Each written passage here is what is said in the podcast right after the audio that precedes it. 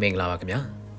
မြမအရေးမှာသက်ဆိုင်တဲ့အဖွဲ့အစည်းတွေဂျာကာတာမှာတီးခြားစီဆွေးနွေးခြင်းရဲ့ခရရရနိုင်ခြင်းအမည်ရတဲ့မြမနွေဦးခရိုနီကယ်နိုဝင်ဘာ25မြင်ကွင်းမိုးမခအဆောင်ပါကိုစတင်ဖတ်ကြားပေးပါတော့မယ် နိုဝင်ဘာ20ရက်နေ့မှ22ရက်နေ့အထိအာဆီယံအသင်းရဲ့အလှည့်ကျတာဝန်ပြီးဆုံးသွားတဲ့အင်ဒိုနီးရှားနိုင်ငံရဲ့လက်ရှိအလှည့်ကျဥက္ကဋ္ဌတာဝန်ယူတဲ့လာအိုနိုင်ငံတို့ကကမကထပြုလုပ်ပြီးအင်ဒိုနီးရှားနိုင်ငံဂျကာတာမြို့မှာမြမအရေးမှာပါဝင်နေတဲ့တပ်ဆိုင်တဲ့လက်နက်ကိုင်အဖွဲ့အစည်းတွေနိုင်ငံရေးအင်အားစုတွေတိုင်းရင်းသားလက်နက်ကိုင်အဖွဲ့ချို့ကကိုစားပြုသူတွေနဲ့စစ်ကောင်စီဘက်ကဂျားကန်ပြောဆိုဆွေးနွေးသူတွေအာဆီယံအဖွဲ့ကတာဝန်ရှိသူတွေနဲ့တီးခြားစီတွေ့ဆုံကမြန်မာနိုင်ငံရဲ့စစ်အာဏာသိမ်းပြီးနောက်ဖြစ်ပွားလာတဲ့လက်နက်ကိုင်ပဋိပက္ခကိုအပြေရှားကြဖို့ဆွေးနွေးခဲ့ကြပါတယ်။အင်္ဂလိပ်ဘာသာနဲ့ဂျားကန်ပြောဆိုသူလို့သုံးနှုန်းထားပြီးဘယ်သူဘယ်ဝါဆိုတာတော့ထုတ်ဖော်ပြောဆိုခြင်းမရှိပါဘူးအလားတူပဲ PPSD လို့ခေါ်တဲ့တနိုင်ငံလုံးပြစ်ခတ်တိုက်ခိုက်မှုရစရေးစာချုပ်လက်မှတ်ထိုးထားတဲ့အဖွဲ့တွေနဲ့စတင်ဖွဲ့စည်းပြီးလက်ရှိမှာလက်မှတ်ထိုးထားတဲ့အဖွဲ့အားလုံးမစုံတော့တဲ့အဖွဲ့အမျိုးသားညီညွတ်ရေးဆိုရဘက်ကကိုယ်စားလှယ်အစရှိသူတွေကလည်းဘယ်သူတွေတက်ရောက်ကြတယ်ဆိုတာအမည်ထုတ်ဖော်ပြောဆိုခြင်းမရှိပါဘူး အခုတလောစစ်ကောင်စီနဲ့လက်နက်ကင်တိုက်ခိုက်မှုတွေပြင်းပြင်းထန်ထန်ဖြစ်ပွားနေတဲ့မြောက်ပိုင်းညီနောင်သုံးဖွဲ့လို KNDF, KA, KNPP လိုလက်နက်ကင်အဖွဲ့တွေတော့အခုဆွေးနွေးပွဲမှာကိုစားပြုပါဝင်တဲ့အရေးအယောင်မတွေ့ရပါဘူး။ဒီဆွေးနွေးပွဲဟာအဖွဲ့ဝင်နိုင်ငံတနိုင်ငံဖြစ်တဲ့မြန်မာနိုင်ငံအနေနဲ့ပြည်တွင်းစစ်မီအရှိန်အဟုန်နဲ့တောက်လောင်လာတာစစ်ဘေးဒုက္ခသည်တွေစစ်အာဏာသိမ်းပြီးနောက်တန်းတဲ့ချီတိုးလာတာအာဆီယံအဖွဲ့အနေနဲ့ဒေသတွင်းတည်ငြိမ်မှုတွေအထိ တက်ရောက်လာနိုင်ခြေရှိတဲ့စတဲ့ရှုထောင့်တွေကနေမြမအရေးကိုဂျားဝင်စိတ်ဆက်ဆွေးနွေးတာနိုင်ငံရေးနည်းနဲ့ဖြည့်ရှင်းကြဖို့ဂျားဝင်ဆောင်ရွက်ကြတာလို့ယူဆရပါတယ်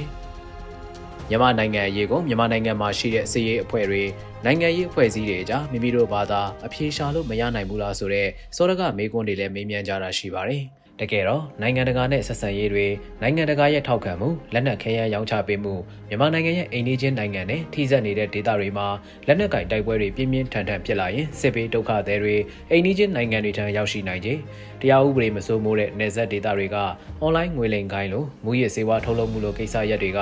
အိမ်နီးချင်းနိုင်ငံတွေစီတက်ရောက်မှုရှိနေတာကြောင့်မြန်မာအရေးကမြန်မာနိုင်ငံတွင်းကသက်ဆိုင်သူတွေဖြည့်ရှင်းကြရမှာမှန်ပေမဲ့အိမ်နီးချင်းနိုင်ငံတွေအတွက်လည်းအတိုင်းအတာတစ်ခုထိတက်ရောက်မှုရှိပြီးတစိမ့်တစ်ပိုင်းသက်ဆိုင်နေတဲ့သဘောမျိုးလို့ဆိုနိုင်ပါတယ်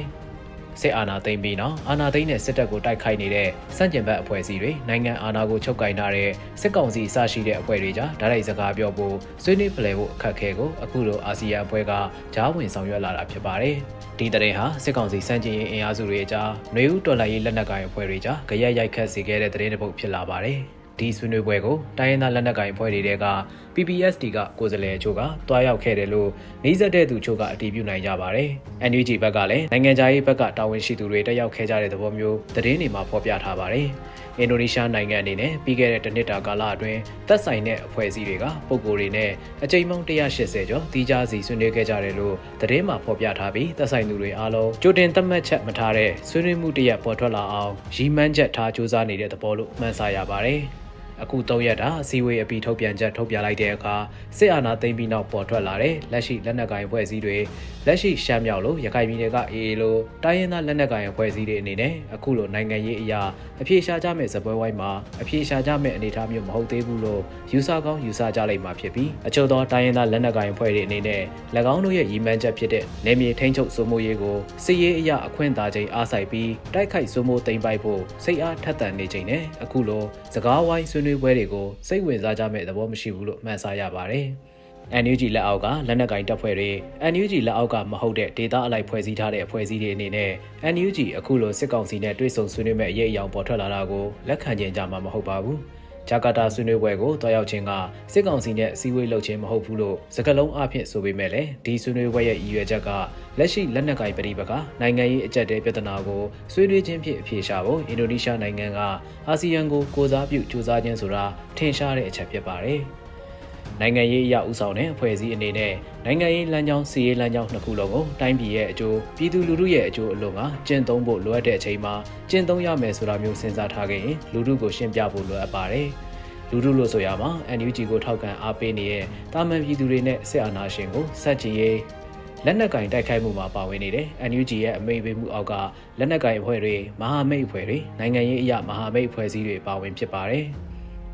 အခုလိုအချိန်မှာလူလူစန္ဒပြည်သူလူထုရဲ့လိုလားချက်ဆိုတဲ့စကားလုံးတွေကိုလွယ်လွယ်သုံးနေကြပေမဲ့အမှန်တကယ်ပြည်သူလူထုက၎င်းတို့ယူဆချက်ခံစားချက်ထင်မြင်ချက်တွေကိုပွင့်ပွင့်လင်းလင်းထုတ်ဖော်ပြောဆိုနိုင်ကြလားဆိုတဲ့မေးခွန်းမျိုးလည်းရှိလာပါတယ်။လက်နက်ကိုင်ဖွဲ့စည်းတွေကဥပဒေပြုအာဏာအုပ်ချုပ်ရေးအာဏာတရားစီရင်အာဏာတို့ကိုရောရှက်ခါသုံးဆွဲနေကြတဲ့ကာလ စီရေးလှုပ်ရှားမှုလောက်ဘယ်အရာမှအရေးမကြီးဘူးလို့ယူဆနေတဲ့ကာလမျိုးမှာပြည်သူလူထုအနေနဲ့၎င်းတို့ရဲ့ထင်မြင်ယူဆချက်တွေကိုလွတ်လွတ်လပ်လပ်ပြောဆိုခွင့်သဘောထားကွဲလွဲခွင့်တွေတိတာစွာကြဆင်းနေပြီးပြည်သူလူထုရဲ့အမြင်ကိုကိုစားပြုဖော်ထုတ်ပေးနိုင်တဲ့အရက်ဖက်အဖွဲ့အစည်းတွေလိုလူထုအခြေပြုအဖွဲ့တွေလည်းအားအနည်းဆုံးအနေအထားမျိုးရောက်နေပြီဖြစ်ပါတယ်။ မြန်မာနိုင်ငံအနေနဲ့အခုရောက်နေတဲ့နေရာကတမိုင်းအလှည့်အပြောင်းတစ်ခုလမ်းစုံတစ်ခုလိုဖြစ်နေတယ်လို့ဆိုမဲ့ဆိုရင်ဆိုနိုင်ပါတယ်။စီရေးအရာပဲဖြစ်ရှင်းပဲအာဏာရှင်စစ်တပ်ကိုအမြင့်ပြတ်သည့်အထိတနိုင်ငံလုံးမှာလက်နက်ချသည့်အထိတိုက်ခိုက်မယ်ဆိုတဲ့ဆုံးဖြတ်ချက်သို့မဟုတ်အဆင့်တစ်ခုမှာဒန်းတူအနေထားနဲ့ဆွေးနွေးကြပြီးနိုင်ငံရေးအခင်းချင်းပြောင်းလဲစီရောက်အောင်လှုံ့ဆော်သွားမယ်ဆိုတာမျိုးဆုံးဖြတ်ရတာမျိုးရွေးစရာလမ်းနှစ်ခွာကိုရွေးချယ်ရတာမျိုးလည်းဖြစ်ကောင်းဖြစ်နိုင်တယ်လို့ခံမှန်းတွေးဆကြည့်ရပါတယ်ခင်ဗျာ။